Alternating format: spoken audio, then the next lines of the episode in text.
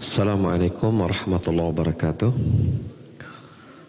إن الحمد لله حمدا كثيرا طيبا مباركا فيه كما يحب ربنا ويرضاه. أشهد أن لا إله إلا الله وحد لا شريك له وأشهد أن محمدا عبده ورسوله لا نبي بعده. قال الله تعالى في كتابه الكريم أعوذ السميع العليم من الشيطان الرجيم. يا أيها الذين آمنوا اتقوا الله حق تقاته. ولا تموتن إلا وأنتم مسلمون. يا أيها الناس اتقوا ربكم الذي خلقكم من نفس واحدة وخلق منها زوجها وبس منهما رجالا كثيرا ونساء واتقوا الله الذي تساءلون به والأرحام إن الله كان عليكم رقيبا. يا أيها الذين أمنوا اتقوا الله وقولوا قولا سديدا يصلح لكم أعمالكم ويغفر لكم ذنوبكم. ومن يطع الله ورسوله فقد فاز عظيما أما بعد. فإن خير الكلام كلام الله وخير الهدى هدى محمد صلى الله عليه وسلم وشر الأمور محدثاتها وكل محدثة بدعة وكل بدعة ضلالة وكل ضلالة في النار. Bapak-bapak dan ibu-ibu, ikhwan maupun akhwat yang hadir di Masjid Pusdai Bandung dan juga para pendengar dan pemirsa yang bergabung di Tarbiyah Sunnah Media pada kesempatan pagi menjelang siang hari ini kita insya Allah Ta'ala akan membahas satu buah kitab yang ditulis oleh Dr. Umar bin Abdullah bin Muhammad Al-Muqbil dengan judul Min Mawa'idh Judul awalnya adalah Min Mawa'idh Sahabah yaitu di antara wejangan-wejangan nasihat-nasihat atau bisa kita katakan wasiat dari para sahabat-sahabat Nabi sallallahu alaihi wasallam. Dan di dalam kitab kitab tersebut itu dihadirkan sahabat-sahabat besar. Ya, mulai dari Abu Bakar, Umar, Utsman, Ali dan yang lainnya. Namun kemudian mengapa saya memilih uh, wejangan dari Ali bin Abi Thalib radhiyallahu? Maka ini pun juga didasari pada perkataan penulis ya kata beliau bahwasanya uh, Ali bin Abi Thalib ini ya, termasuk di antara sahabat-sahabat yang wafatnya belakangan dari Abu Bakar, Umar, Utsman. Sehingga otomatis beliau menyaksikan banyak kejadian-kejadian yang tidak saja ya beliau dapatkan bersama Rasulullah SAW tapi juga apa yang dia dapatkan bersama tiga sahabat utama Nabi SAW yang telah mendahului beliau yaitu Abu Bakar, Umar, Utsman dan Ali. Sehingga kata penulis apabila disebutkan mutiara-mutiara nasihat para sahabat maka sesungguhnya mutiara-mutiara nasihat Amirul Mukminin Abdul Hasan Ali bin Abi Thalib radhiyallahu anhu memiliki keistimewaan tersendiri karena memang para khulafa rasyidin yang lainnya itu lebih dahulu wafatnya. Maka dengan alasan inilah kita bisa membicarakan lebih banyak mutiara-mutiara nasihat dari Ali bin Abi Thalib. Namun melihat terbatasnya waktu yang kita miliki tentu wejangan dari Ali bin Abi Thalib tersebut kita tidak hadirkan semua tapi kita akan nukilkan empat saja ya disesuaikan dengan ketersediaan waktu yang kita miliki mudah-mudahan itu juga bisa kita bisa kita selesaikan di waktu yang tersedia. Ya. Namun sebelumnya penulis memberikan selayang pandang tentang Ali bin Abi Thalib walaupun beliau tidak memperdalam ya artinya selayang pandang beliau tidak memperdalam tentang ya biografinya Ali bin Abi Thalib tapi beliau menjelaskan selayang pandangnya berupa kata beliau dia adalah Ali bin Abi Thalib ya beliau adalah Ali bin Abi Thalib Ya, Abu Talib jelas adalah bapak beliau dan Abu Talib adalah termasuk turunan Abdul Manaf bin Abdul Muttalib bin Hashim. Ya, jadi Abdul Muttalib, Abu Talib, kalau kita lihat urutannya, Ali bin Abu Talib bin Abdul Muttalib bin Hashim bin Abdi Manaf. Ya, Al-Quraisy Al-Hashimi, Amir Mukminin. Beliau berkunyah Abul Hasan. Beliau punya dua anak laki-laki, ada Hasan, ada Husain. Tapi dilakukan Abu Hasan dengan merujuk bahwa Hasan ini adalah anak laki-lakinya yang paling tua. Ya, jadi bila kita punya anak laki-laki beberapa orang, kita kita ingin berkunyah, maka ambil kunyahnya dengan anak laki-laki yang paling tua. Maka beliau adalah Abu Hasan Ali bin Abi Thalib.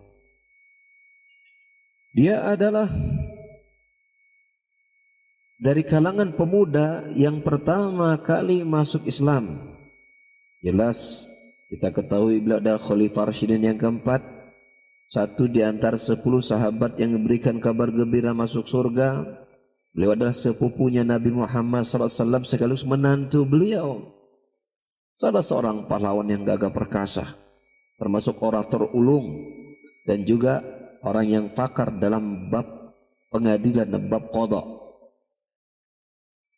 Bendera perang pernah berada di tangannya dalam beberapa peperangan. Memegang jabatan khalifah selama wafatnya Utsman dan banyak meriwayatkan hadis dari Nabi sallallahu alaihi wasallam membacakan Al-Qur'an di hadapan Nabi sallallahu alaihi wasallam dan Nabi pun membacakan Al-Quran kepada Ali bin Abi Thalib secara langsung. Ya, manakibnya sangat banyak. Wafat sebagai seorang syahid pada tahun 40 Hijriah, dibunuh oleh Abdurrahman bin Muljam Al-Muradi secara sembunyi dalam sebuah konfirasi pada tanggal 17 Ramadan. Dia adalah Ali bin Abi Thalib radhiyallahu anhu mencintainya adalah iman membencinya adalah kemunafikan. Dia adalah laki-laki yang Allah mencintainya, demikian juga Rasul mencintainya. Ya, sebagaimana dijelaskan dalam hadis Bukhari dan Muslim. Dia adalah seorang menantu yang sangat dekat dengan Rasulullah SAW, ya, pemuda yang dicintai oleh Rasulullah SAW dan termasuk orang yang paling dekat dengan Rasulullah SAW. Memiliki ilmu yang banyak, dipilih oleh Nabi SAW untuk memegang tugas-tugas penting. Ya, termasuk Rasulullah SAW mengutus beliau ke Yaman sebagai hakim di negeri Yaman. Sehingga beberapa sahabat yang lain memuji keutamaan Ali bin Abi Thalib. Di antaranya Sa'id bin Sa'id bin Musayyib berkata, tidak ada Seorang seorang sahabat Nabi pun yang pernah berkata, coba tanyakan apa pun yang ingin kau tanyakan kepadaku. Gak ada sahabat yang berani seperti itu. Kecuali hanya satu, yaitu Ali bin Abi Thalib. Ya. Bahkan Umar bin Khattab ya, berlindung kepada Allah Subhanahu wa taala dari permasalahan rumit yang tidak ada ya yang tidak ada Abu Hasannya dan pengertian bahwasanya hampir permasalahan-permasalahan yang rumit itu bisa dipecahkan oleh Ali bin Abi Thalib. Kefakian Ali bin Abi Thalib dan keunggulannya dalam buat fatwa ini juga disampaikan oleh sahabat Ibnu Abbas radhiyallahu anhu. Dia berkata, apabila sampai suatu berita kepada kami yang itu telah dibicarakan oleh Ali bin Abi Thalib radhiyallahu Misalnya berupa fatwa atau ketetapan hukum dan beritanya benar, niscaya kami tidak akan melewatkannya atau menanyakannya lagi kepada yang lain. Saking apa? Saking mereka percaya bahwa fatwa yang dilontarkan oleh Ali itu fatwa pasti yang paling paling jitu. Fatwa yang paling jitu. Dalam riwayat Bukhari dari Sa'ad bin Mu'ad bahwasanya Rasulullah sallallahu alaihi wasallam berangkat ke Tabuk dan mengangkat Ali radhiyallahu anhu sebagai pejabat sementara maka Ali sedikit tidak setuju. Ia berkata kepada Rasulullah, apakah engkau meninggalkan aku untuk menjaga anak-anak dan wanita? Maksudnya, kenapa? Aku tidak ikut berperang bersamamu. Maka Nabi SAW bersabda, Ala tarda an takuna minni bimanzilati Harun min Musa ila anu la nabiya ba'di. Apakah engkau tidak senang bahwa engkau dengan diriku itu seperti kedudukan Harun dan Musa alaihissalam? Hanya saja tidak ada tidak ada lagi nabi setelahku. Kan kita lihat dalam Al-Qur'an Allah menceritakan bagaimana Nabi Musa itu mempercayakan Harun ya adiknya Nabi Musa ya untuk menjaga Bani Israel di saat Harun ya dipanggil di saat Nabi Musa dipanggil oleh Allah Subhanahu wa taala untuk mendapatkan ya sembilan wasiat dari Allah sembilan wahyu dari Allah Subhanahu wa taala. Maka Rasulullah mempersamakan kedudukan Ali terhadap beliau seperti kedudukan Harun kepada Nabi Musa. Hanya saja Harun mah Nabi, Ali tidak. Karena kata Nabi, tidak ada lagi Nabi setelahku. Artinya andaikan boleh ada Nabi setelahku mungkin. Rasulullah SAW mungkin akan minta kepada Allah agar Ali dijadikan Nabi. Ya, seperti itu. Tapi Nabi tidak ada lagi setelah beliau SAW.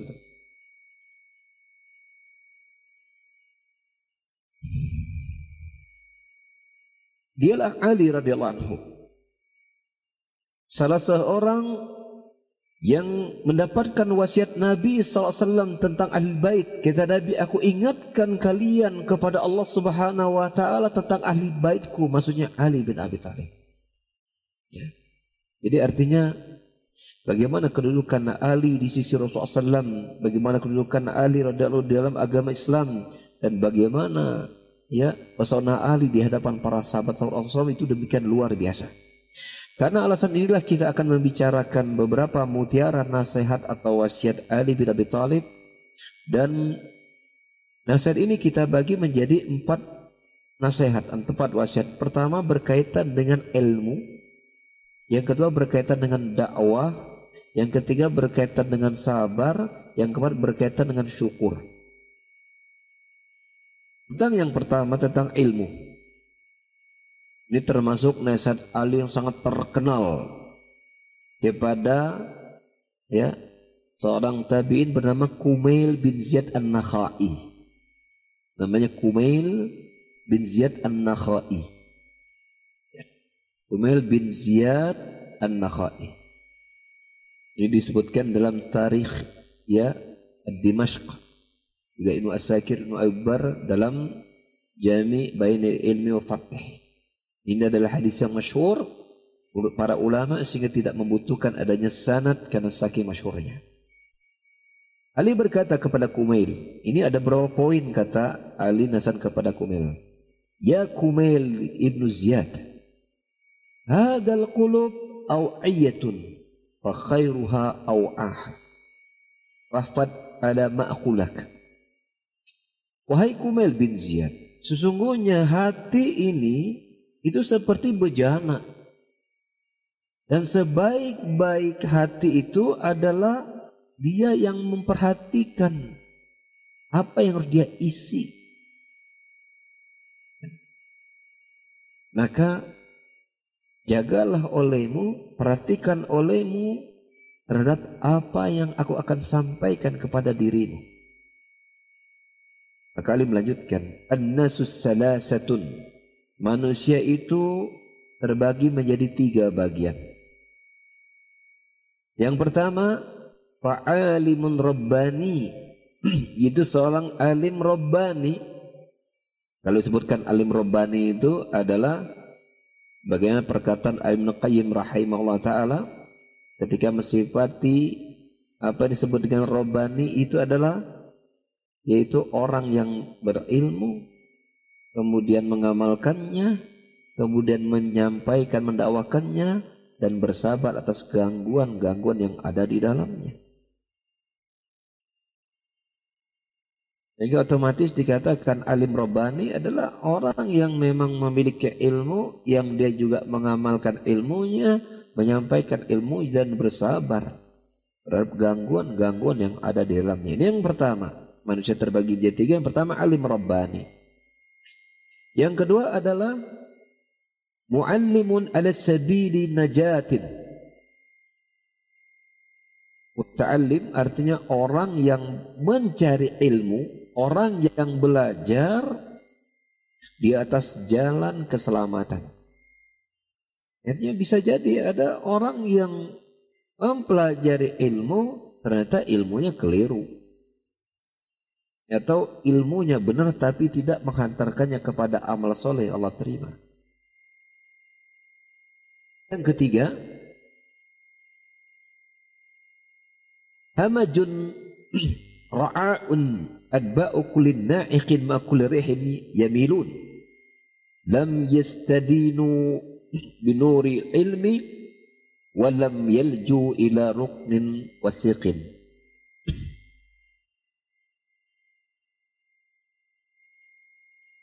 Yang ketiga adalah orang yang tidak berilmu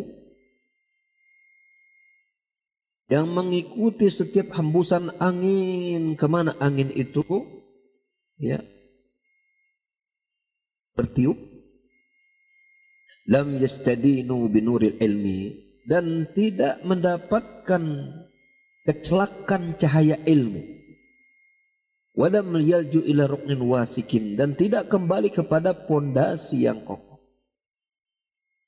ya jadi orang yang tidak berilmu itu ciri-cirinya setiap tindakannya itu bagaimana apa yang dia inginkan udah ikut aja.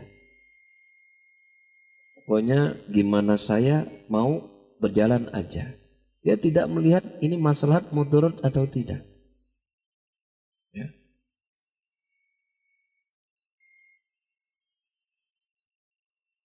Ali melanjutkan dasarnya kepada Kumail bin Ziyad.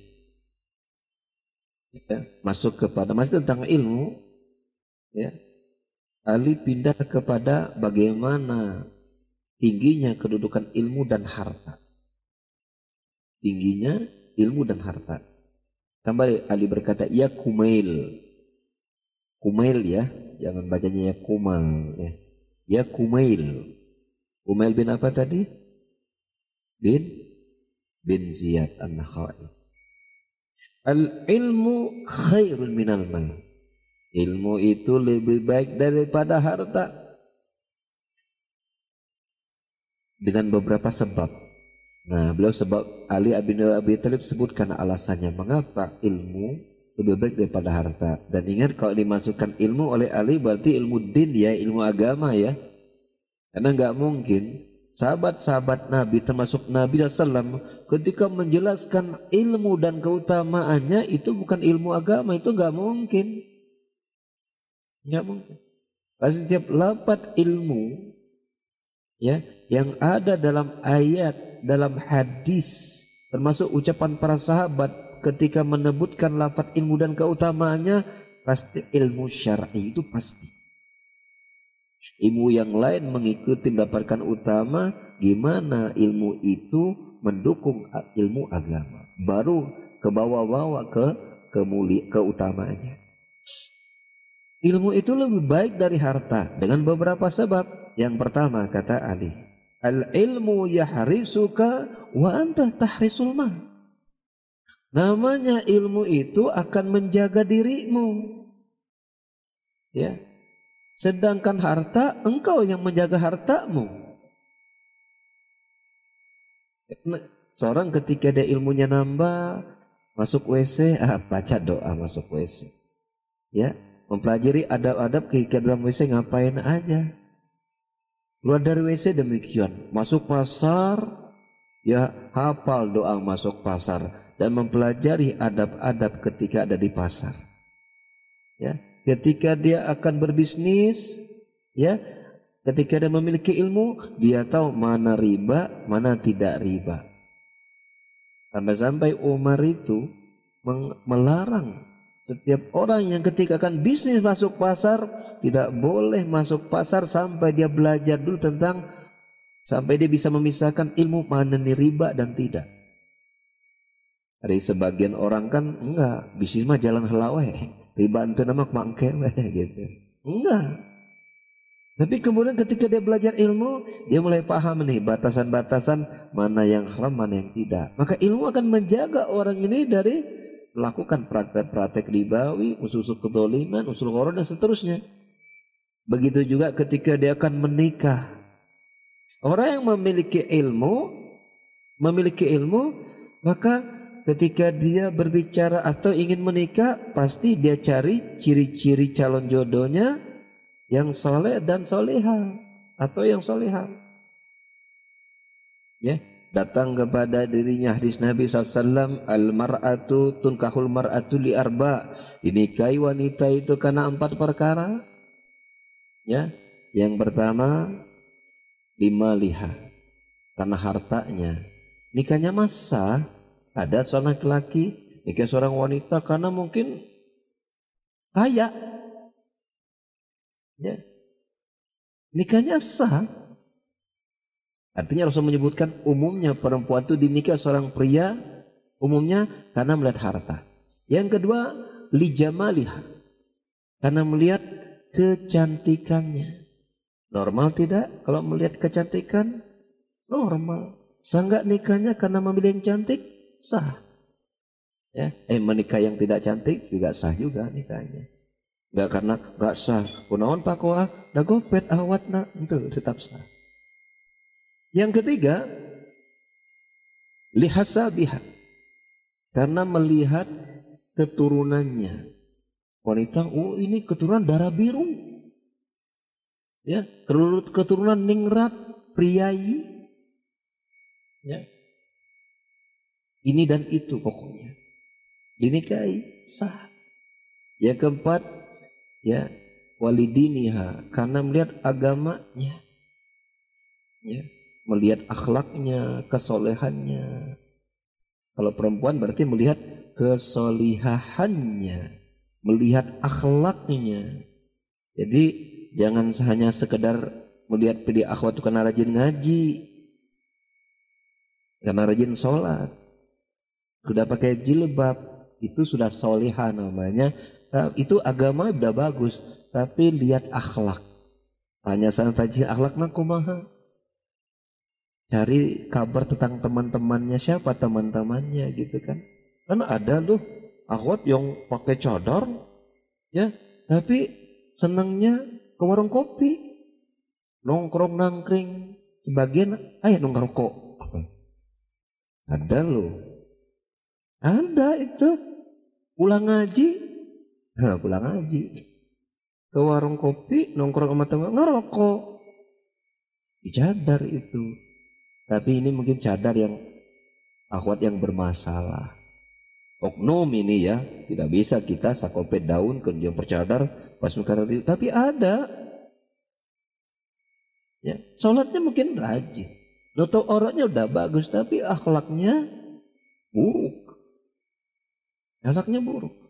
Maka cari calon istri yang agamanya bagus, akhlaknya baik. Ya. Kata Nabi, "Fatfar bidzatid din taribat yadak." Cari yang agamanya bagus, akhlaknya baik, maka engkau pasti beruntung. Mata banyak terjadi perceraian padahal istrinya super cantik, suaminya tidak kalah ganteng. Nah, tidak kalah cantik ya. Tidak kalah ganteng.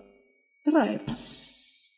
Karena apa? Karena ketika menikah yang dicari cantiknya, setelah menikah cantiknya kan menurun tuh. Ternyata rumput tetangga lebih hijau. Ada tetangganya teh rumput dah. Gitu. Lebih menarik dirinya. Banding-bandingkan kalau orang kalau laki-laki yang lain kok melihat istrinya udah cantik, tapi kok kenapa? Dia lebih tertarik kepada wanita yang lain. Padahal si kecantikan jauh. Ternyata dalam pandangan sang suami kecantikannya sudah memudar. Sudah memudar. Kalau sudah berkeluarga itu pasti cantik di awal. Kepudaran itu akan menurun. Kapan dia akan naik tetap lestari kalau ada bagian lain selain fisiknya. Yaitu apa? Agama. Begitu juga ada orang yang menikah menikah seorang wanita karena hartanya. Hartanya kan lama-lama habis. Gitu. Atau kadang hartanya barangkali membuat si suaminya nggak pede gitu kan. Akhirnya cerai juga. Atau mungkin perebutan harta. Karena ada tuh istilah namanya harta gono gini kan. Ya, artinya ini harta lo di sono, ini harta gua di sini gitu, gono gini gitu kan. Ah, berantem. Cerai. Karena babnya harta, masuknya dari pintu harta. Ya, jalan ketemunya nggak dapet. Kalau pandangannya yang menjadi hakimnya harta di awal. Yang ketiga karena keturunan. Ya, karena keturunan berarti turun ke berapa nih? Turun ke tujuh. Ketika turun ke enamnya terlibat, gitu kan? Kacau. Sangat mungkin. Tapi bagaimana kecantikan menjadi indah, harta menjadi barokah, keturunan memberi, memberikan kemuliaan ketika agama menjadi dasar dalam keluarga. Ya, ketika agama menjadi dasar dalam keluarga, lihatlah Seseorang yang memiliki ilmu agama, maka ilmu akan menjaganya termasuk ketika dia berkeluarga, ilmu akan menjaganya. Orang berilmu tentang pendidikan anak, maka pendidikan anak didasari dengan pendekatan-pendekatan ilmu syariat agama. Dia ingat Allah Ta'ala berfirman, Ya ayuhalladzina amanu, Ku anfusakum wa ahlikum nara. Wahai orang beriman, jagalah diri diri kalian dan keluarga kalian dari api neraka. Maka pendekatan anaknya pendekatan syar'i. Dia tidak terlalu peduli dengan sekolah-sekolah favorit yang mahal. Tapi ternyata nilai agama minim bagi dia. Semahal apa pun sekolah ini. Kalau nilai agamanya minim, nilai sunnahnya rendah, dia tidak akan pilih. Saya tidak sedang promosi sekolah ya, bukan. Tapi ilmu menjaga seseorang itu termasuk memilih pendidikan anaknya. Tapi lihat. Ya. Artinya ilmu ini akan menjaga harta seseorang. Dan dia mencari harta, termasuk ketika dia memiliki harta, dia tahu hartanya harus banyak dia sedekahkan. Ya, karena harta yang dia sedekahkan akan menjadi harta yang menemaninya sampai hari kiamat. Tapi berbeda dengan harta, maka manusialah yang menjaga harta bila dia kurang ilmu. Saya ingat dulu waktu ada musim-musim rame-ramenya pertama kali heboh likuidasi bank. Waktu ramenya apa tuh Bank Senturi itu. Kan ada likuidasi banknya tuh. Ya, waktu sempat ada di Jakarta. Waktu itu lagi lagi cari Maisha waktu itu dekat dengan seorang syekh dari Timur Tengah itu dia menyimpan sekian investasinya di bank yang sedang masuk daftar likuidasi. Itu sampai kita dampingi dekat teller bank itu dia dekati cepat kembalikan uang saya saya mau keluar kalau tidak kamu saya tembak kamu sampai segitunya itu panik karena uangnya masuknya udah banyak ya, betul-betul kepikiran ah saya harta saya kalau aman Gudeng saya simpan di bank. Eh nggak aman juga. Eh bank likuidasi bingung. Simpan aja di rumah. Di dalam berangkas. Dicari berangkas yang tebal. Yang tebalnya 1 meter. Begitu mau tidur, ah nggak tenang. Ah, pintunya digebok dengan 10 gembok. Udah kasih gembok, nggak tenang juga. Kasih su, kasih kalau kita ada istilah namanya dikasih surikiti gitu. Nggak tenang juga. Dikasih binatang-binatang penjaga. Nggak tenang. Ya, jaga harta itu tidak menenangkan. Mencarinya lelah, sudah dimiliki, nggak tenang. Kalau hilang gimana? Simpan di bank, kalau dikuasai gimana? Simpan di rumah, kalau ada yang maling gimana? Lelah. Mencarinya lelah, memiliki juga capek. Maka tampak bagaimana kemuliaan ilmu dan harta. Ya, itu yang pertama. Yang kedua, apa sebab kata Ali ilmu lebih lebih baik daripada harta? Kata beliau, al ilmu yasku alal itfaq wal malu tankusu an nafaqah. Ilmu akan terus bertambah ketika dia diinfakkan. Coba antum baru mulai belajar bahasa Arab. Boleh ngerti dikit-dikit. Kalau mau cepat cari murid, walaupun satu, walaupun muridnya istri antum atau suami antum. Nah cari murid. Baru tahu isim fiil huruf. Ya gitu kan? Perbedaan antara isim fiil huruf. Langsung ya ajarkan. Itu langsung nempel tuh. Artinya sudah disiapkan kondisi nambah materi baru siap kadang-kadang kita belajar itu kan kenapa gagal bab pertama belum kelar udah nambah bab kedua belum kelar juga nambah bab ketiga begitu bab kelima berhenti belajar nah, udah pusing ngungkul tiap bab melahirkan kepusingan, berhenti. Gak bertambah kan ilmu kan? Seperti itu. Tapi ilmu itu semakin dia diajarkan, dia semakin bertambah. Sedangkan harta, ya ketika dia diinfakkan maka dia berku, berkurang.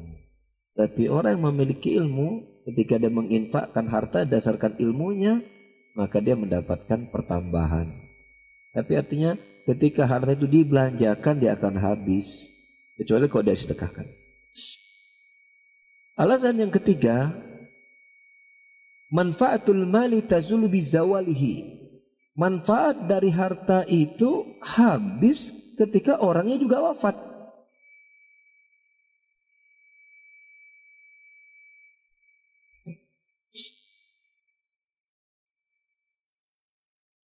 Atau ketika harta itu juga habis. Hartanya habis, sudah selesai manfaatnya.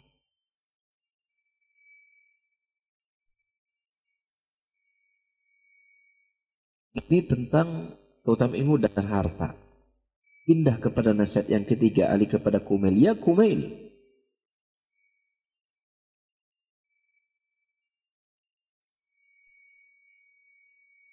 Mahabbatul alim dinun yudanu biha.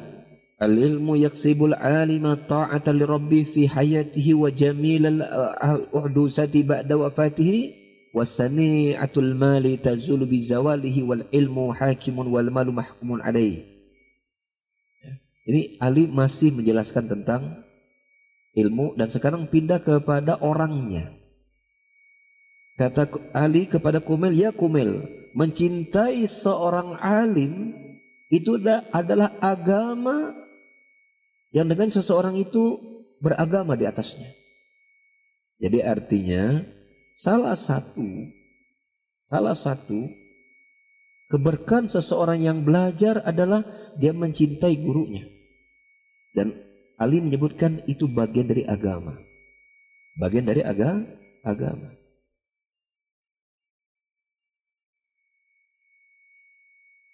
Dan bagaimana pengaruh ilmu kepada orang alim yaitu apa?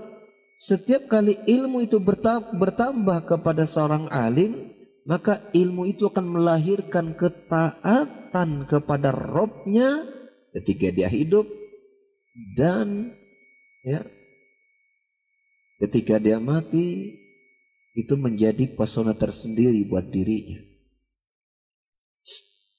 Sedangkan pencari dan pengumpul harta hilang dengan hilangnya sang pemilik. Ilmu adalah hakim yang memerintah dan harta adalah yang diperintah.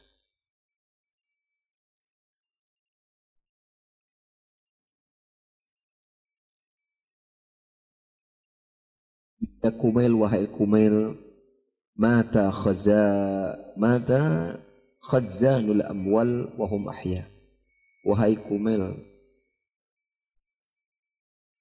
wafat para pemegang harta di saat mereka masih hidup.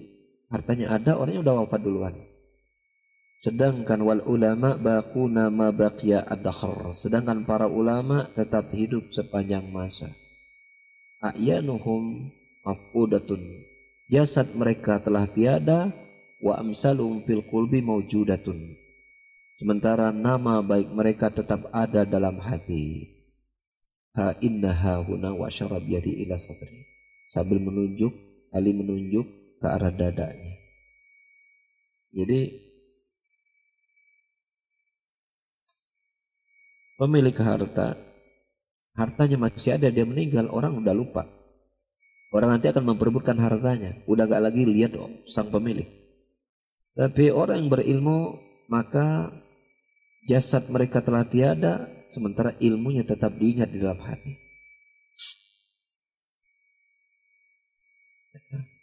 Ini kurang lebih nasihat Ali kepada Kumail bin Ziyad An-Nakhai tentang men, uh, ilmu keutamaan ilmu dibanding harta dan bagaimana kedudukan ahli ilmu ya? Bagaimana kedudukan ahli ahli ilmu.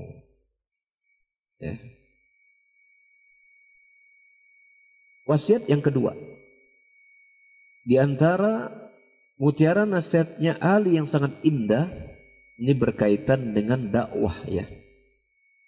Bagaimana dijelaskan dalam hadis yang diberikan oleh Imam Bukhari pada jilid yang pertama halaman 37 kata Ali hadisun nasa bima ya'rifun atuhibbuna ayyuktabal ayyukzaballahu ayyukazzaballahu wa rasul berbicaralah kepada manusia dengan sesuatu yang mereka bisa memahaminya. Apakah kamu ingin Allah dan Rasulnya itu didustakan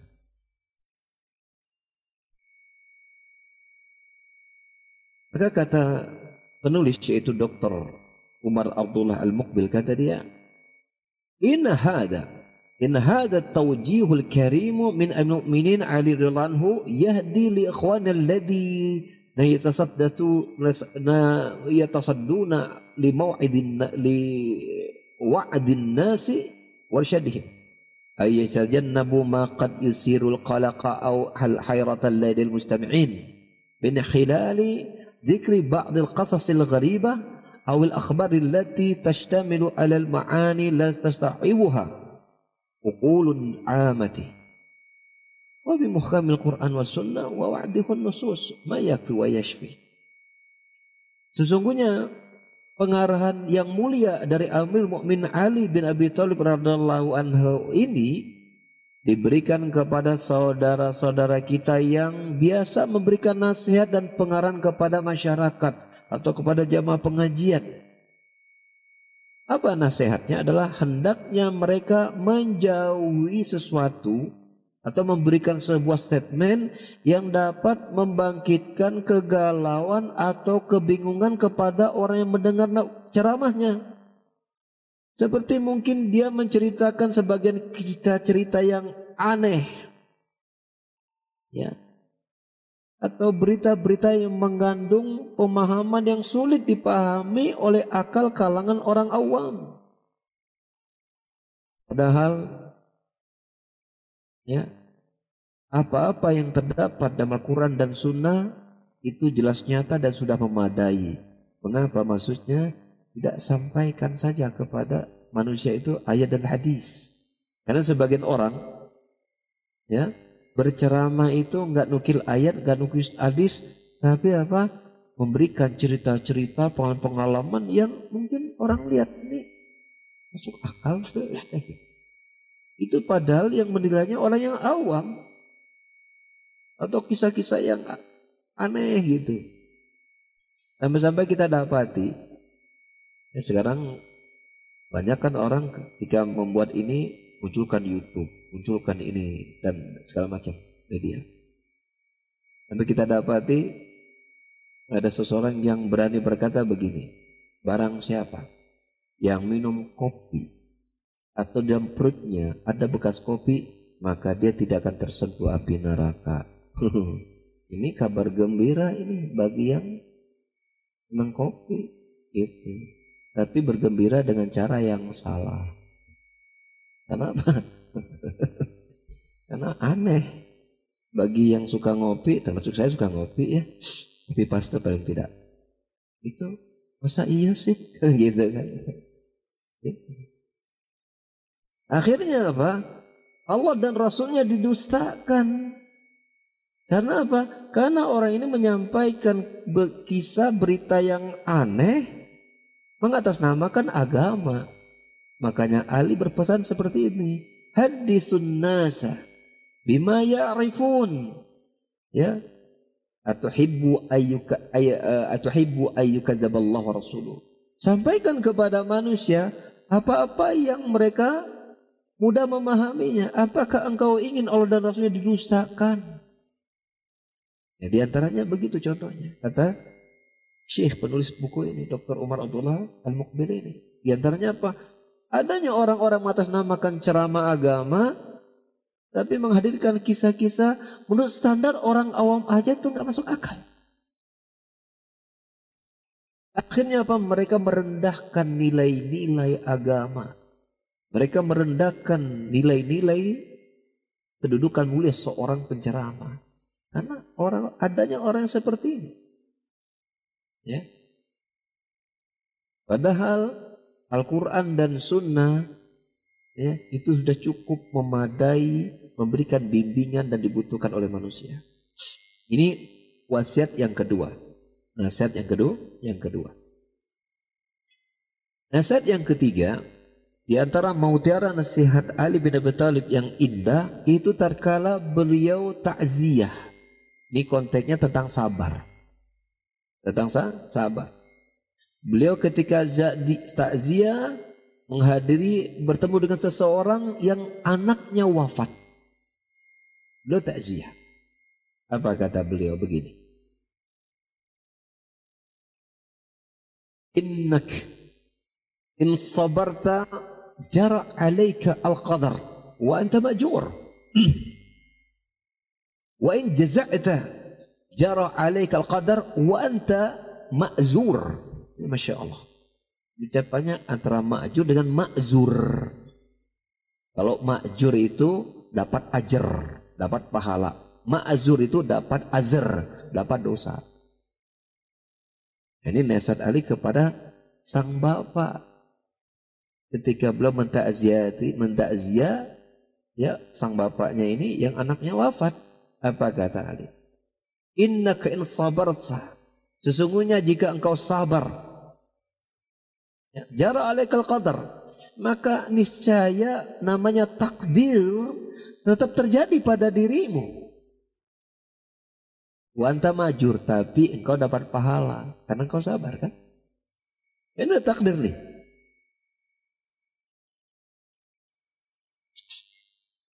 Wa in jaza'ta jara alaikal qadar. Tapi bila engkau lebih memilih mengeluh, tidak sabar, apakah takdir tidak juga tidak berlaku? Kan tetap berlaku takdir.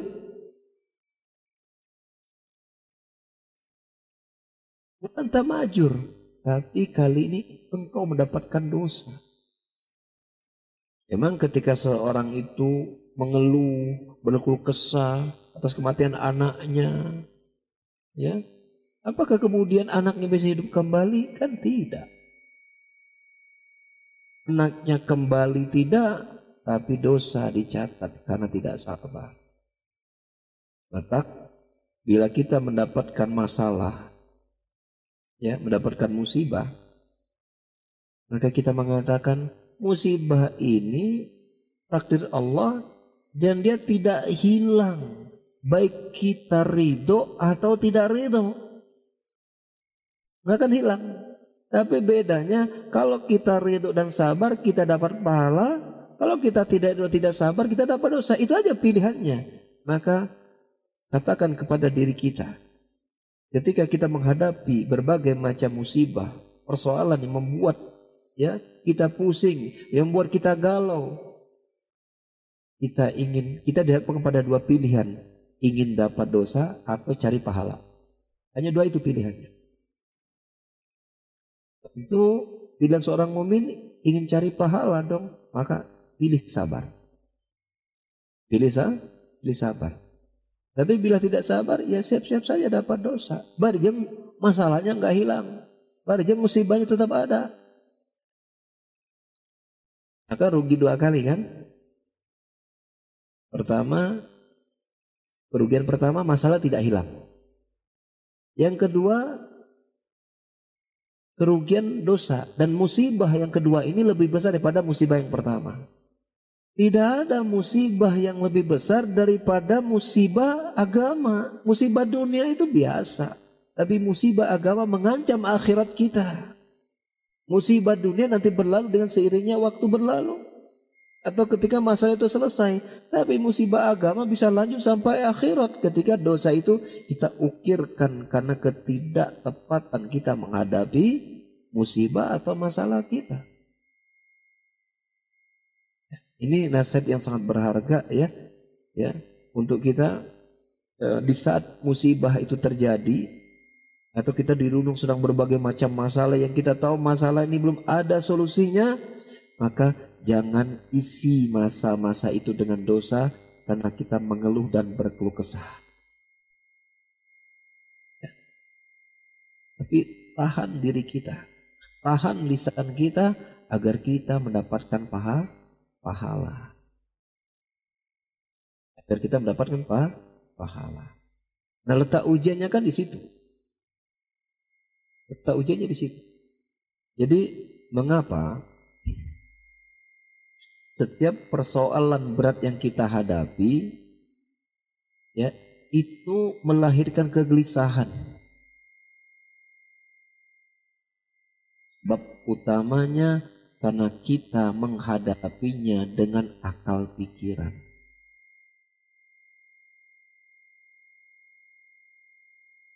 Dengan akal pikir.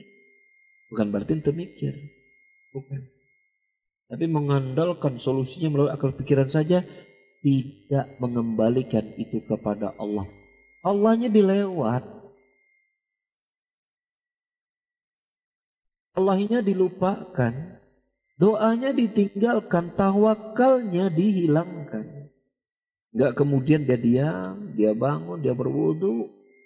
Ya di malam hari, dia sholat, kemudian dia mengadak dua tangannya, dia kembalikan semua kepada Allah. Ya Allah. Serahkan semua kepada Allah. Ya.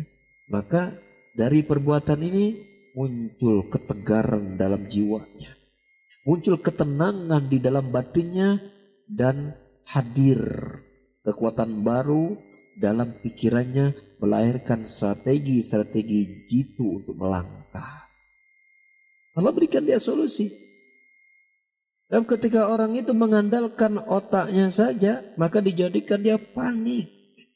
Ketika orang itu panik, dia sudah sudah tidak bisa mikir, akhirnya suteres, depresi, udah nggak bisa ngapa-ngapain, akhirnya kena seteruk, kena jantung. Masalah satu nggak selesai, pindah ke masalah yang kedua plus dosa. Bertubi-tubi. Bertubi-tubi. Maka rugi dunia dan terancam akhirat. Oleh karenanya ikhwas sekalian, Betapa kita sangat membutuhkan hidayah dan taufik dari Allah agar Allah mendatangkan ilmu yang benar kepada kita ketika kita menghadapi musibah. Memang kita sudah ngaji, belajar tentang sabar, dalilnya, keutamaannya. Tapi ilmu itu diamalkan ketika musibahnya terjadi, ketika masalahnya muncul. Gunakan ilmu sabar. Kan kadang-kadang kita termasuk orang yang sangat bijak ya ketika dapat di teman kita, saudara kita, gak sabar namanya juga udah musibah udah sabar ini kan masalah memang udah takdir. Tapi dengan ketika itu menimpa kita langsung uring-uringan. Bener nggak? Langsung si budak letih itu kokosehan sebagian sampai nenggak minuman keras maksudnya minum keras teh cairnya jam botol-botol nah minuman keras teh gitu. ada yang sampai narkoba ada yang sampai bunuh diri Ya, ada yang sampai membunuh orang lain kalau kesinggung lagi ada masa kesinggung dor, sembelih tusuk gitu kan. Semakin banyak masalahnya, akhirnya dalam penjara. So. Betapa kita sangat butuh Allah memberikan kita taufik di saat kita menghadapi betul kondisi seperti itu Allah datangkan ilmu untuk bisa kita amalkan. Betul. Kita butuh Allah memberikan hidayah taufik kepada kita sehingga kita bisa mengamalkan ilmu tentang sabar ini. Itu. Coba aja anak ulangi kalimat anak ya. Ya termasuk yang ngomong ini nasihat untuk yang ngomong juga. Karena kita sama-sama sedang belajar. Kita sering kali memposisikan diri menjadi orang yang sangat bijak. Kita kayak kita dapati saudara kita, teman kita, keluarga kita ya sedang dirundung masalah atau sedang dirundung musibah kita menyatakan sabar. Ini sudah takdir. Benar nggak? Tapi ketika musibah itu menimpa kita kita lupa dengan nasihat-nasihat tersebut Antum jangan dikira loh itu menimpa kita saja. Umar bin Khattab radhiyallahu anhu pernah kehilangan kendali ketika dia mendapati Rasulullah wafat. Rasulullah wafat. Madinah itu dirundung kesedihan. Semuanya banyak diam terpaku seolah Madinah itu sepi dan banjir air mata. Sampai Umar tidak bisa mengendalikan dirinya, ya sambil menghunduskan pedangnya. Barang siapa yang mengatakan Muhammad, Nabi Muhammad wafat, aku akan penggal kepalanya. Abu Bakar belum hadir itu. Belum hadir. Begitu Abu Bakar hadir, Umar masih di luar tuh lagi lagi ngomong begitu tuh. Abu Bakar masuk ke kedai Rasulullah membuka muka dan mencium ya mukanya lo mengatakan engkau itu begitu indah hidup maupun wafatmu ya Rasul. Kemudian Abu Bakar keluar dari Umar Rasul kemudian mendiamkan Umar. Namun bahasa kita, dah duduk, duduk. Abu Bakar berkata, berceramah. Umar berkata, Waman ya'budu Muhammad fa inna Muhammad dan qad mat. Barang siapa yang menyembah Muhammad, maka Muhammad sudah mati.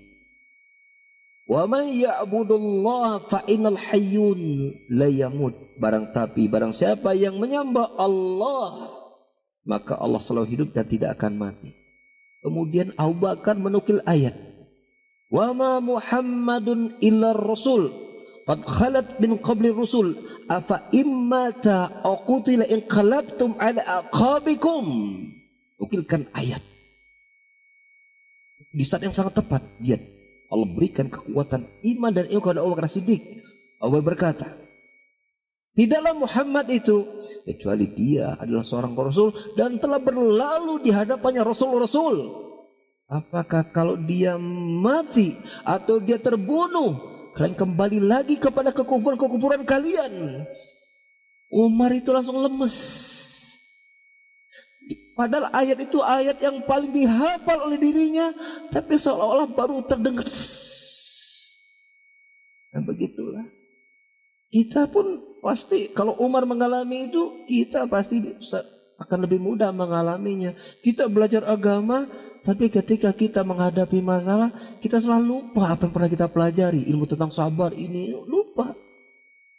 Yang hadir kita selesaikan dengan dengan akal pikiran kita. Saya kudu kiu, saya kudu ke dokter, saya kudu gini, saya kudu, ah, habis dengan apa logika kita sebab akibat, sebab akibat. Ini sebab nak maka akibat nak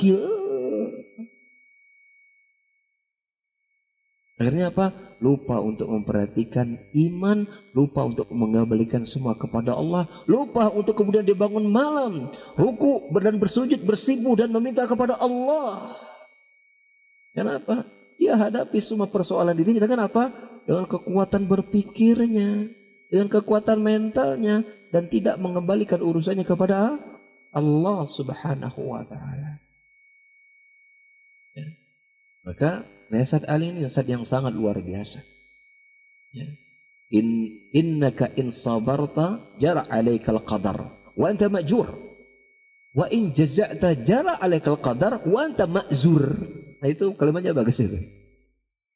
Innaka in sabarta jara alaikal qadar wa anta ma'jur. Wa in jaza'ta jara alaikal qadar wa anta ma'zur. Masya Allah. Engkau sabar, musibah tetap terjadi, tapi kau dapat pahala. Engkau nggak sabar, musibah tetap terjadi, tapi engkau dapat dosa, gitu kan? Masya Allah.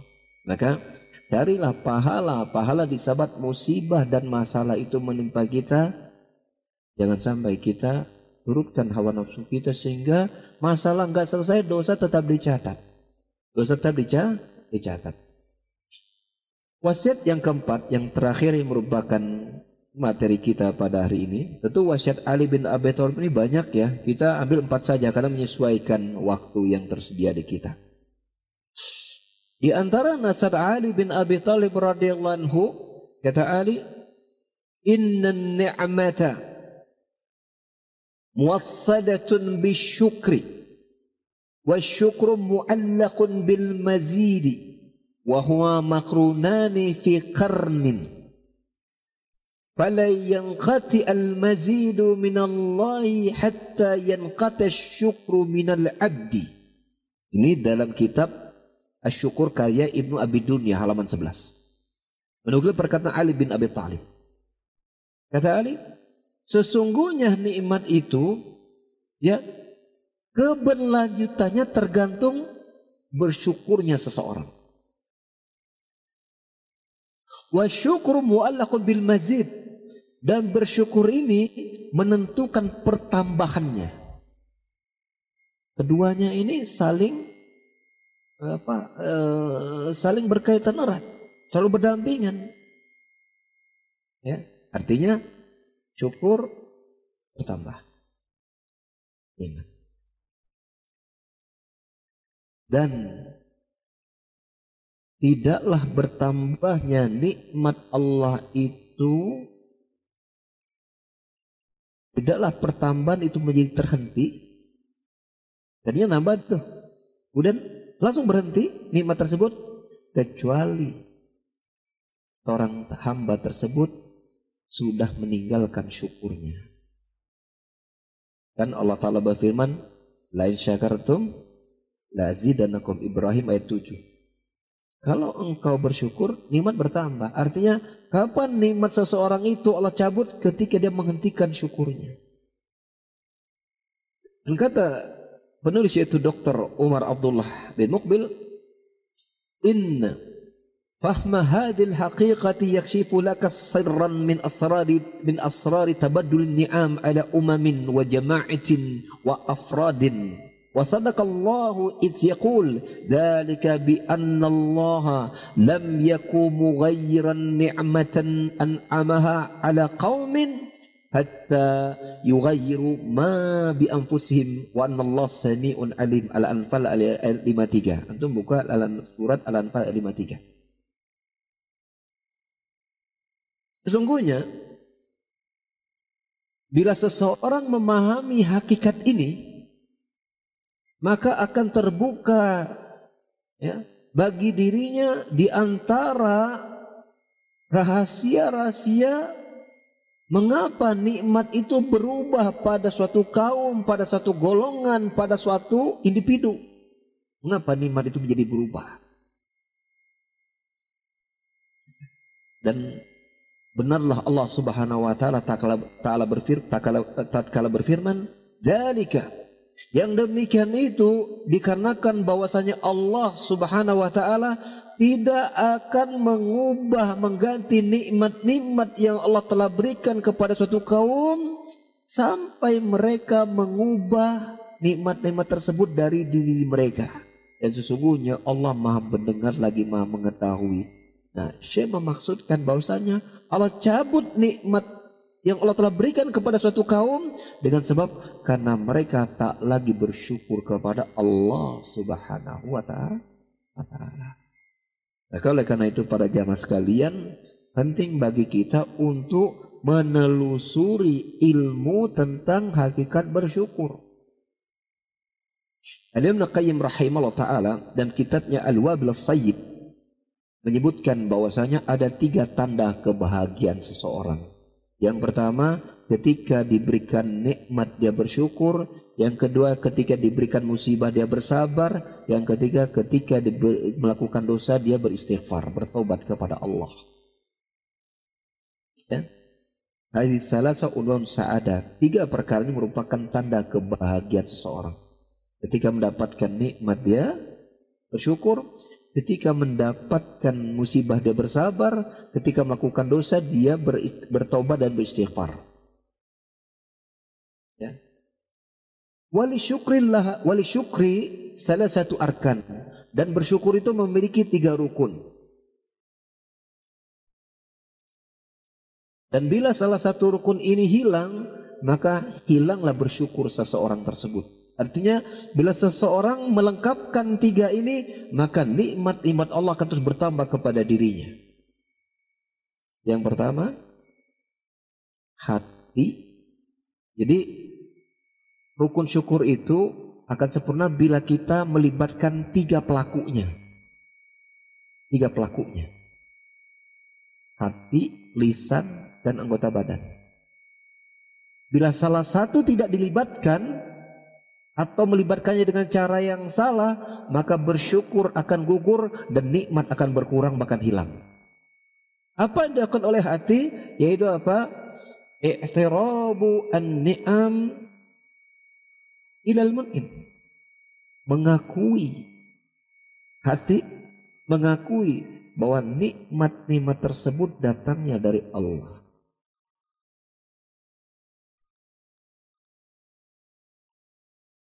Yang kedua, pelakunya siapa? Lisan. Apa yang dilakukan lisan bersyukur? As-sana'u Allah. Itu apa? Lisannya memuji Allah karena telah memberikan nikmat.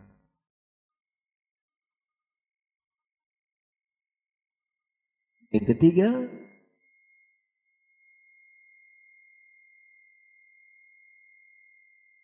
ta'atul mun'im ya istimalun nikmah bi mun'im. Yang ketiga pelakunya adalah dengan anggota badan. Bil jawarih. Apa itu? Menggunakan nikmat-nikmat tersebut untuk mentaati zat yang tak memberikan nikmat yaitu Allah. Ya.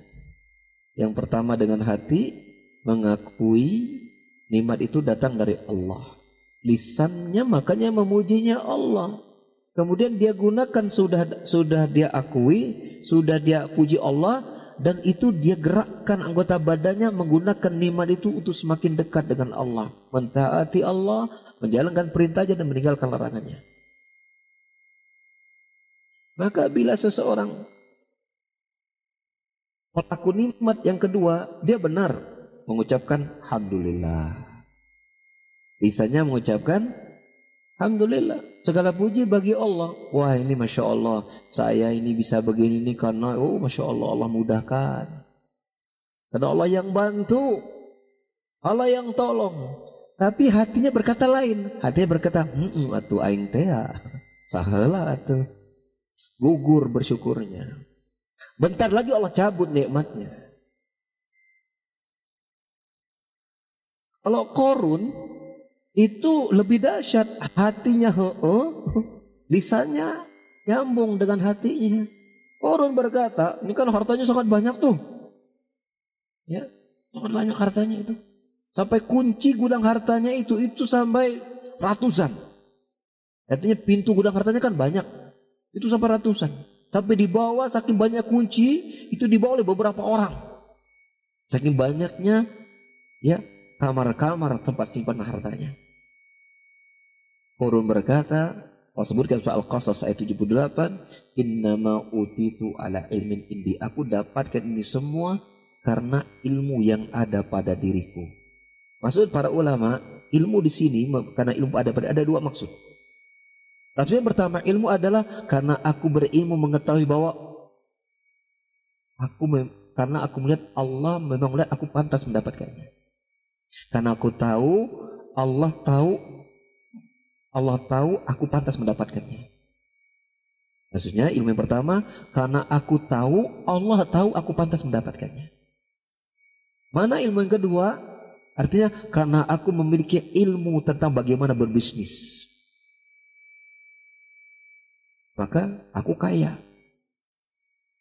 Maka Korun telah gagal pada lisan dan hatinya dan juga dengan anggota badannya dia tidak gunakan hartanya untuk beriman kepada Nabi Musa dan mentaati Allah Subhanahu wa taala.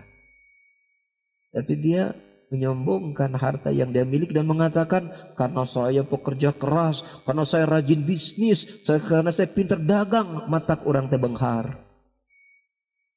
Gagal, tunggu waktunya. Allah akan ambil tuh nikmat. Kalau sudah, hati sudah seperti itu. Karena tidak bersyukur tidak bersyukur itu erat sifatnya dengan sikat dengan sifat takabur itu nggak akan jauh. Orang yang tidak bersyukur erat sifatnya dengan sikap takabur. Dan bila orang sudah takabur, tunggu saja waktu kehancuran sudah akan tiba. Kalau dia sudah takabur, waktu kehancuran sudah akan dekat. Kalau dia sudah takabur, dia sudah mengatakan bahwa semua ini karena saya, semua ini karena aku, karena aku pinter, karena aku rajin belajar, karena aku rajin bekerja, karena aku rajin ini, hmm, semua sandarkan kepada aku, aku, aku. Nah, keakuan inilah yang nanti akan menjadikan sebab kehancurannya semakin dekat. Maka Allah hentikan nikmatnya, Allah ganti dia dengan adab, plus dia berdosa, itu di dunia sebelum di akhirat. Inilah wasiat di antara nasihat-nasihat wejangan Ali bin Abi Thalib kepada kita tentang pentingnya kita bersyukur, pentingnya kita bersabar, ya, pentingnya kita untuk menghargai orang alim, memuliakan mereka, ya, dan pentingnya kita memiliki adab-adab dalam ilmu dan bagaimana kita memuliakan ilmu daripada har harta.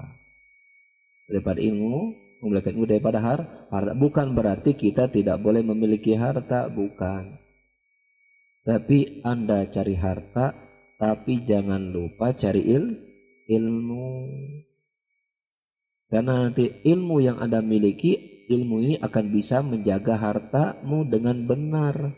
Ya, Anda akan gunakan harta Anda di jalan yang benar yang Allah cinta dan ridhoi. Mata doa yang setiap habis subuh Rasulullah ajarkan untuk kita baca tiap subuh dengan doa yang pertama minta ilmu kan? Habis saat subuh itu dengan doa Allahumma ini as'aluka ilman nafi'an wa tayyiban wa amal mutaqabbalan. Ya Allah berikan kepadaku ilmu yang bermanfaat rezeki yang baik dan amal yang diterima. Rasul mengajar kepada kita ketika kita di pagi hari membuka hari-hari hari kita minta ilmu dulu kepada Allah karena kalau Allah berikan ilmu rezeki kita akan tayyib. Amal kita akan diterima karena kita tahu bagaimana mencari rezeki yang barokah. Kita akan tahu mana amal yang diterima, mana perusak-perusak amal, ku ilmu. Jadi sebelum kita bicara tentang dimudahkan rezeki, dimudahkan untuk beramal, minta pertama dulu kepada Allah apa? Ilmu yang bermanfaat. Maka para jamaah sekalian, harus fokus baca doa itu tuh habis subuh tuh. Abdul Razak termasuk memberikan kritikan di antara kesalahan besar orang yang berzikir adalah tidak paham mana dan tidak hadir hati. Di antara kesalahan orang dalam berzikir adalah tidak paham mana dan tidak hadir hati. Ada orang kan yang komat kamit itu tapi dia nggak tahu dia minta apa sih sama Allah. Ya dikir dia dikir ini maksudnya apa sih? Kan banyak nih kayak gitu. Ada yang tahu tapi ketika dibaca hatinya gak hadir. Karena yakin kita yang hadir di sini mayoritasnya bahkan mungkin seluruhnya tahu arti doa Allahumma ini asuka ilman nafi'an wa rizqan wa mutaqabbalan. Tapi berapa banyak di antara kita ketika membaca itu tidak paham arti dan bagi yang paham kita tidak hadir hati. Tidak paham arti dan tidak hadir hati. Dua itu di antara kesalahan besar orang-orang yang berdoa dan berzikir. Itu beliau nukilkan dalam kitab beliau Fikih al-Adiyah wal Azkar. Itu pernah saya sampaikan di Masjid Cipaganti. dulu di masa yang lalu. Sudah sangat lama rasa-rasanya ya Cipaganti ya. Udah berapa abad kita nggak ke Cipaganti ya. Semoga Allah berikan kemudahan dan membukakan hati manusia sehingga kita bisa ngaji di Cipaganti. Ya, jadi akhirnya di Cipagan Pos apa? Jadi Cipaganti. Baik para jamaah sekalian dan juga para pemirsa pendengar itu barangkali sedikit yang bisa saya nukilkan dari apa yang saya, saya cari untuk materi. Jadi materi ini juga saya mah cari-cari ya materi yang apa yang yang uh, agak unik lah. Yang Anda dapat kitab Min Mawa'idi Sahabah di antara jangan sahabat itu karya Dr. Umar Abdullah Al-Muqbil. Bismillah. Ini pertanyaan ya. Saya kalau baca, ini dari ibu-ibu. Saya kalau baca tulisan ibu-ibu itu suka suka terharu. Bukan karena ini karena ibu-ibu tulisannya beraragus gitu. Ya, terharu memikirin tulisan orang. ya. Ya, Assalamualaikum warahmatullahi wabarakatuh. Ya, Waalaikumsalam warahmatullahi wabarakatuh. Afan Ustaz Ana minta nasihat ya. Bagaimana caranya bersabar di depan bersabar di depan di saat tertimpa musibah atau ujian? Doa apa yang diucapkan saat ingin bersabar atas musibah tersebut? Sekala khairan. Insyaallah ya. Terima kasih Ibu yang bertanya dan terima kasih atas tulisannya yang bagus ya. Ini asli ya, saya bukan ini bagus tulisannya. Ya. Tapi yang mau nulisnya jangan GR ya. Maksud saya saya menyampaikan ada sebagian tulisan tidak semua tulisan bagus ya ada tulisan, sebagian tulisan datang ke saya, itu tulisannya saya harus butuh penterjemah. Penterjemahnya ada di samping saya. Ternyata dia juga kesulitan. Jadi di antara adab dalam bertanya berupa tulisan, maka tulislah dengan tulisan yang bagus ya, yang bisa dibaca oleh yang membaca. Bagaimana caranya bersabar atau doa apa yang dibaca ketika kita ditimpa musibah? Ya. Kalau doa, saya yakin kita semuanya paham ya bahwa eh, doa ketika ditimpa musibah, Allah ma'jurni fi musibati wa li khairam minhu gitu kan. Ya Allah, berikanlah pahala atas musibahku ini dan gantikan untukku yang lebih baik. Lebih baik ya. atau dengan mengatakan innalillah wa inna ilaihi rajiun ya kita ini milik Allah dan kita akan kembali kepada Allah ya musibah ini akan berhenti dengan kematian kita musibah ini akan berhenti dengan kematian kita dan kita akan kembali kepada Allah untuk mempertanggungjawabkan sikap kita ketika kita menghadapi musibah kita sabar atau tidak usnuzon kepada Allah atau tidak itu mana ucapan innaluna narji'un di antara maknanya yang kedua, bagaimana cara selain berdoa ya, itu kan bacaan doa.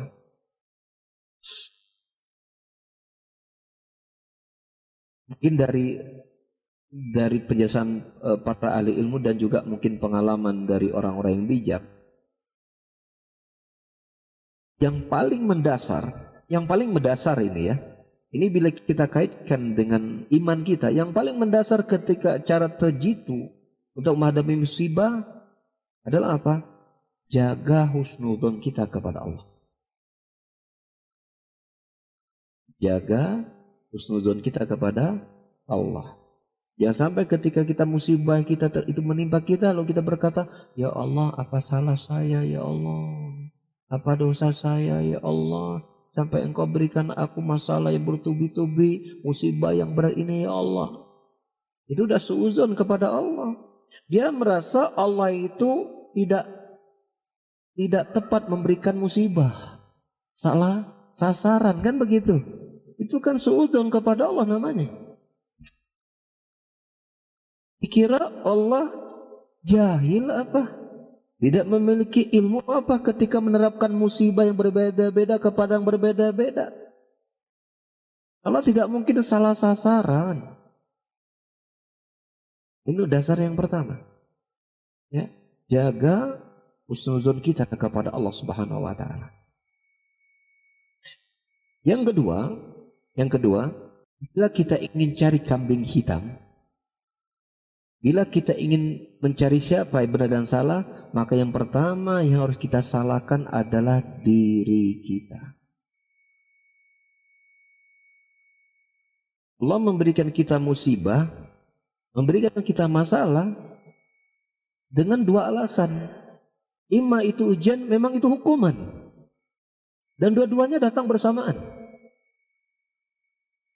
Ima itu ujian, memang itu hukuman atas dosa-dosa kita. Hukuman atas dosa, ya ujian.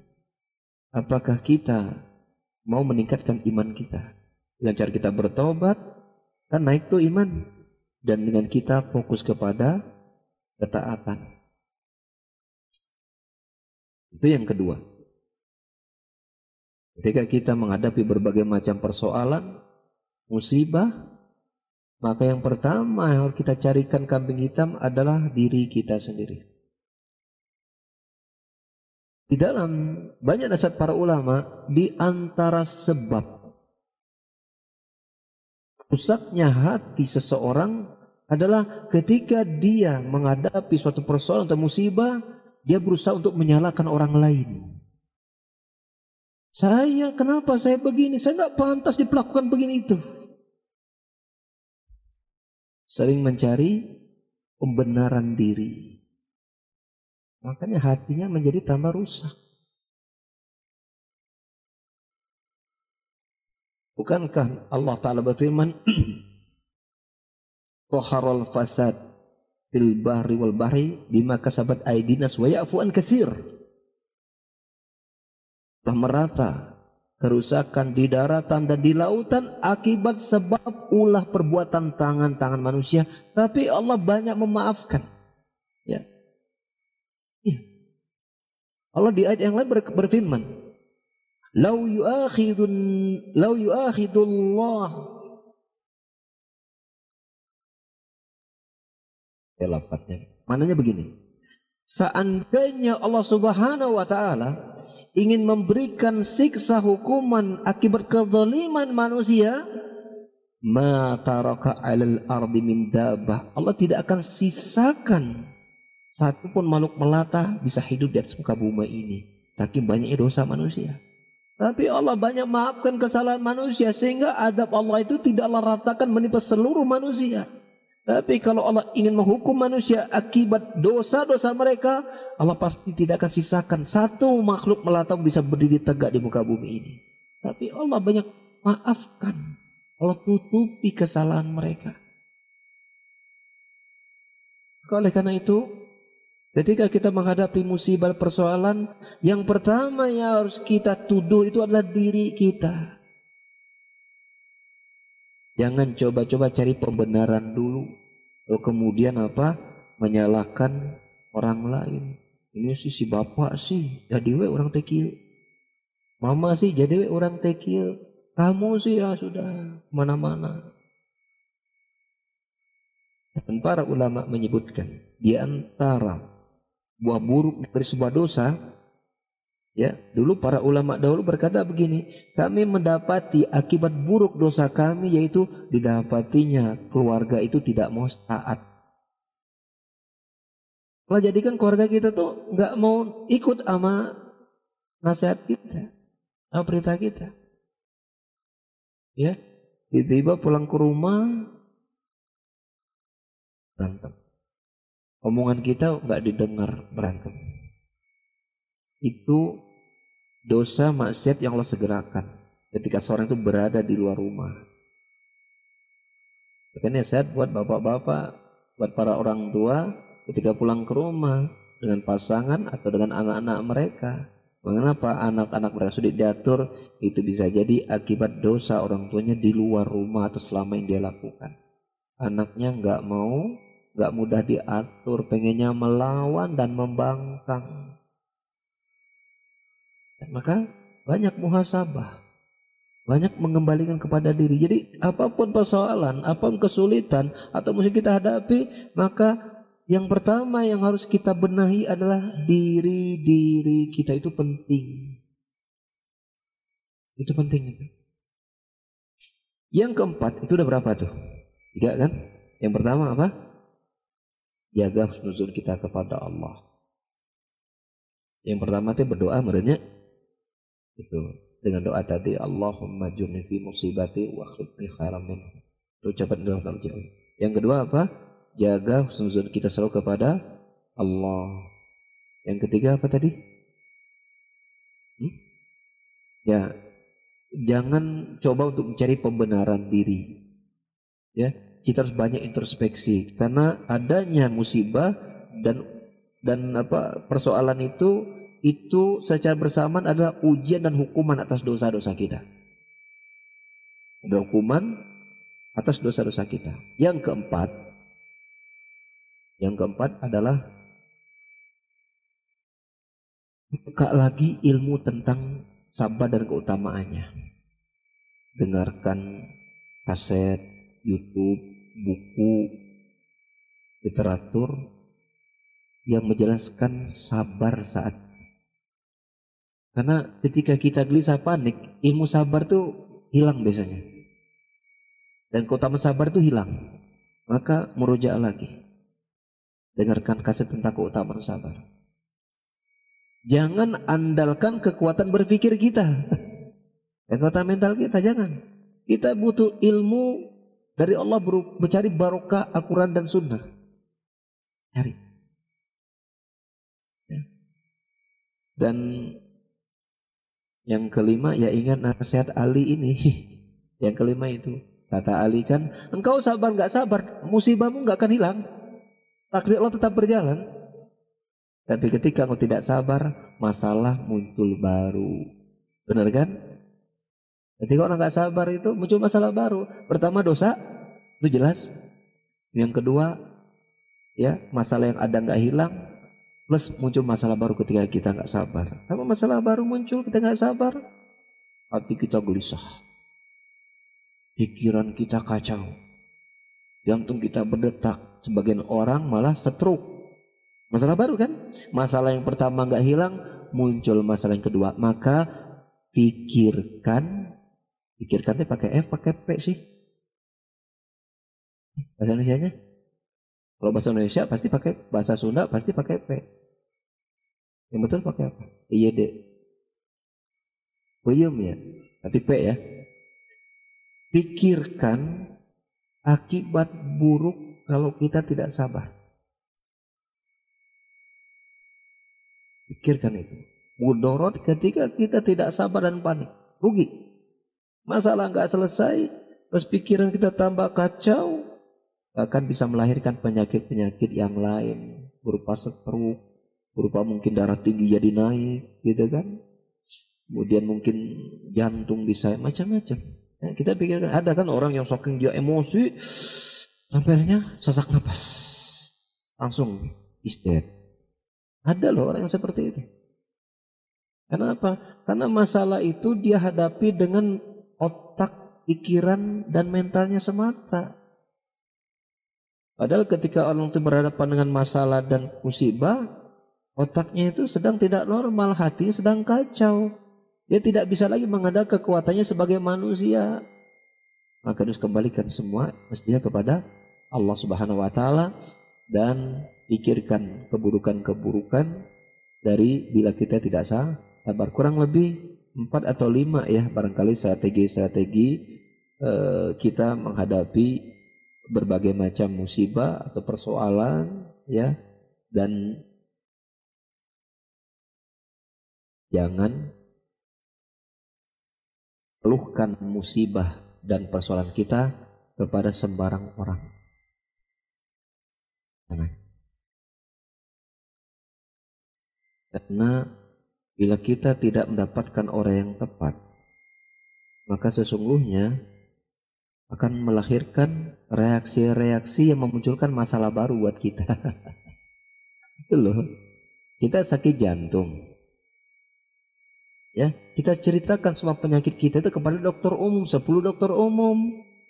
Nanti dokter umum memberikan analisa diagnosa masalah penyakit ini dengan sudut pandang beda-beda kan? Gak sampai kepada teknis masalah. Tapi coba kita langsung kepada spesialis jantung, langsung tek. Berkisah di pasal jantung dan berbagai macam turun-turun masalahnya. Cepat selesai enggak? Cepat selesai. Pusing enggak? Enggak. Kenapa? Penyelesaian masalahnya fokus. Nah itu juga penting ya. Yang nggak baik ketika kita punya musibah, punya masalah, itu kita ceritakan kepada semua orang. Sampai CRT tahu kita lagi punya masalah, kita ada musibah. Ya. Maka bila kita ingin menceritakan, ceritakan kepada orang yang tepat dengan masalah yang kita hadapi, jangan kepada sembarang orang ya, apalagi bukan jurusannya ya seperti itu. Mungkin demikian uh, ikhwas sekalian, Bapak Ibu ya, para pendengar pemirsa dari materi yang bisa kita sampaikan pada hari ini dan setiap kebenaran dan kebaikan yang didengar di pada hari ini pastikan itu semua dari Allah Subhanahu wa taala. Dan mohon maaf barangkali apabila ada salah ucap, salah kata dan itu tidak ada sama sekali uh, tujuan kecuali mengingatkan diri saya sendiri ya bagian dari sharing dan bila itu baik mudah-mudahan eh, itu menjadi kebaikan buat saya dan semua kita di sini. Dan bila ada salah ucap saya mohon maaf. Dan semoga Allah Subhanahu wa taala jadikan majelis kita menjadi majelis ilmu yang bermanfaat melahirkan amal yang bisa dibuktikan dan semoga amal itu semua Allah terima. Amin. Allahumma amin. Subhanakallahumma hamdika asyhadu an la ilaha illa anta astaghfiruka wa atubu ilaik. Wa akhiru da'wana alhamdulillahi alamin Assalamualaikum warahmatullahi wabarakatuh.